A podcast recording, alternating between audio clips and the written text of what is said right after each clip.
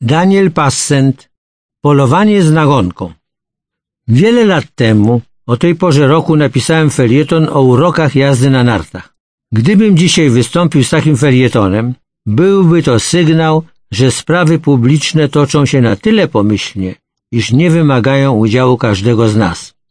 Tymczasem spraw jest tak dużo, że nie wiadomo, którą wybrać. Biedroń kandydatem lewicy na prezydenta. Może wreszcie zrezygnuje z fotela w Brukseli. Iran przyznał, że zestrzelił pasażerski samolot ukraiński. W Jerozolimie w uroczystościach z okazji 75-lecia wyzwolenia Auschwitz Polska będzie reprezentowana przez ambasadora.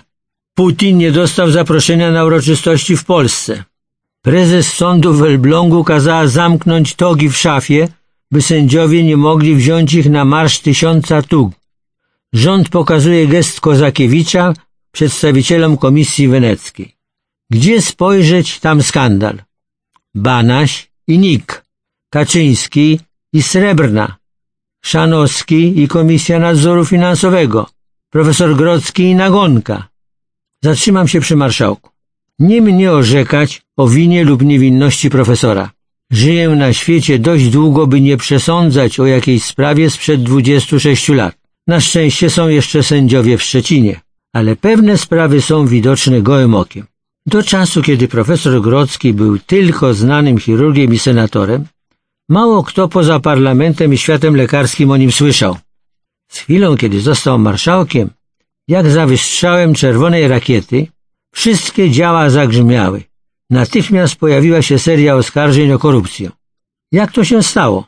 Media pisowskie, tak ostrożne w formułowaniu wyroków w sprawie srebrnej, Komisji Nadzoru Finansowego czy milionów trwonionych przez Polską Fundację Narodową, tym razem aż się zagotowały z powodu zawartości szuflady pewnego chirurga i ordynatora. Oto kilka przykładów. Gazeta Polska, Tomasz Duklanowski pisze wszystkie koperty Grodzkiego. Anonimowi pacjenci wspominają, jak przed laty wręczali profesorowi korzyść majątkową lub dobrowolne datki na szpital czy fundację. Inny artykuł. Duklanowski pisze. Grodzki wziął trzy tysiące złotych i powiedział, że przywieźliśmy mu trupa. Łącznie już kilkanaście osób przypomniało sobie, że profesor przyjmował pieniądze w zamian za przeprowadzenie operacji w państwowym szpitalu. Ten sam Duklanowski, Gazeta Polska Codziennie, artykuł Naganiacz z metra cięty, czyli że niski, niewysoki. Na oddziale torakochirurgii kierowanym przez profesora Grodzkiego rodzina pani Józefy musiała zapłacić pięć tysięcy złotych za lepszą opiekę. Duklanowski na łamach Gazety Polskiej Codziennie.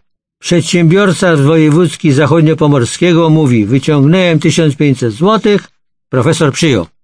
Znów Duklanowski, znów Gazeta Polska Codziennie. Osobiście wręczałem 400 złotych panu Grodzkiemu, mówi pan Romuald. Polskie Radio Szczecin. Osobiście wręczyłem mu 400 złotych. Polskie Radio Szczecin.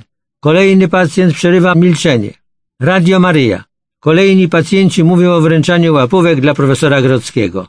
Wicepremier Jacek Sasin. Taka narracja, że dzisiaj stawianie pytań czy prowadzenie postępowań wyjaśniających w tej sprawie, że to jest element walki politycznej, pokazuje, jakie są standardy naszych konkurentów z Platformy Obywatelskiej. Telewizja Republika. Działacz Gdańskiej Solidarności Karol Guzikiewicz.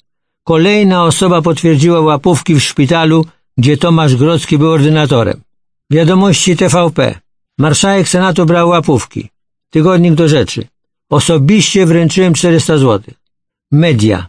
Według sondażu pracowni Social Changes na zamówienie redaktora Karnowskiego już ponad połowa społeczeństwa wierzy, że Tomasz Grodzki brał. Brał łapówki. Z wyjątkiem jednej profesor, która po kilku dniach wycofała swoje oskarżenie, oskarżyciele występują anonimowo. Jest rodzina pani Józefy, jest pan Romuald, przedsiębiorca. W telewizji głos świadków jest zmieniony, twarze zasłonięte, jak gdyby chodziło o brygadę antyterrorystyczną. W jaki sposób, nawet po 26 latach, autorzy publikacji weszli w posiadanie nazwisk, adresów poszkodowanych, to jest inna sprawa. Czas ją będzie wyjaśnić kiedy indziej. Czy ktoś w szpitalu udostępnił im rejestry pacjentów? W mediach ukazują się nieliczne głosy odbiegające od rządowych, jak na przykład relacja Magdaleny Kulej w wiadomościach Radia Z, czy list senatora Zygmunta Frankiewicza, byłego prezydenta Gliwic do Rzeczpospolitej. Minęły już ponad dwa lata od momentu, gdy telewizja polska poinformowała, że zastępcy prezydenta Gliwic mają zarzuty korporacyjne, pisze senator Frankiewicz. To było kłamstwo. Komuś wyraźnie zależało. Niestety większość Polaków może nie być odporna na taką czarną propagandę. I o to chyba chodzi. Zawsze jest jakaś rysa, podejrzenie, że może te zarzuty są prawdziwe. Może coś przylgnie. Obecnie trwa w telewizji polskiej prawdziwa nagonka w stylu najgorszych czasów komunistycznej propagandy na marszałka Senatu profesora Tomasza Grodzkiego. Nie wierzę, pisze senator Frankiewicz, w ani jeden zarzut kierowany pod jego adresem. Odpowiadają za tę niegodziwość ludzie, którzy na ustach mają dobro państwa i wiarę katolicką, a Kościół się od tego nie odcina. Koniec cytatu. W dobie internetu każdego można w okamgnieniu skrytobójczo zabić na długo przedtem, zanim sąd, choćby pierwszej instancji, wyda wyrok. Tylko czekać, aż Zbigniew Ziobro triumfalnie ogłosi, że temu panu już nikt nie wręczy łapówki. Biorąc pod uwagę potęgę mediów rządowych, w oczach części społeczeństwa reputacja marszałka Grodzkiego została już podważona.